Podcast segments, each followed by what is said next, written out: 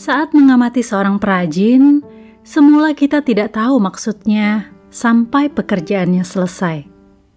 Awalnya dipikir mau gambar rumah, eh ternyata gedung mewah.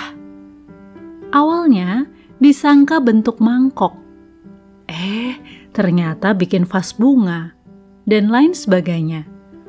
Penonton hanya sanggup melihat yang ada di depan matanya, namun perajin itu sendiri yang mengendalikan kuasnya, jarumnya, tangannya, sesuai maksud hatinya. Pada akhirnya, penonton hanyalah penonton.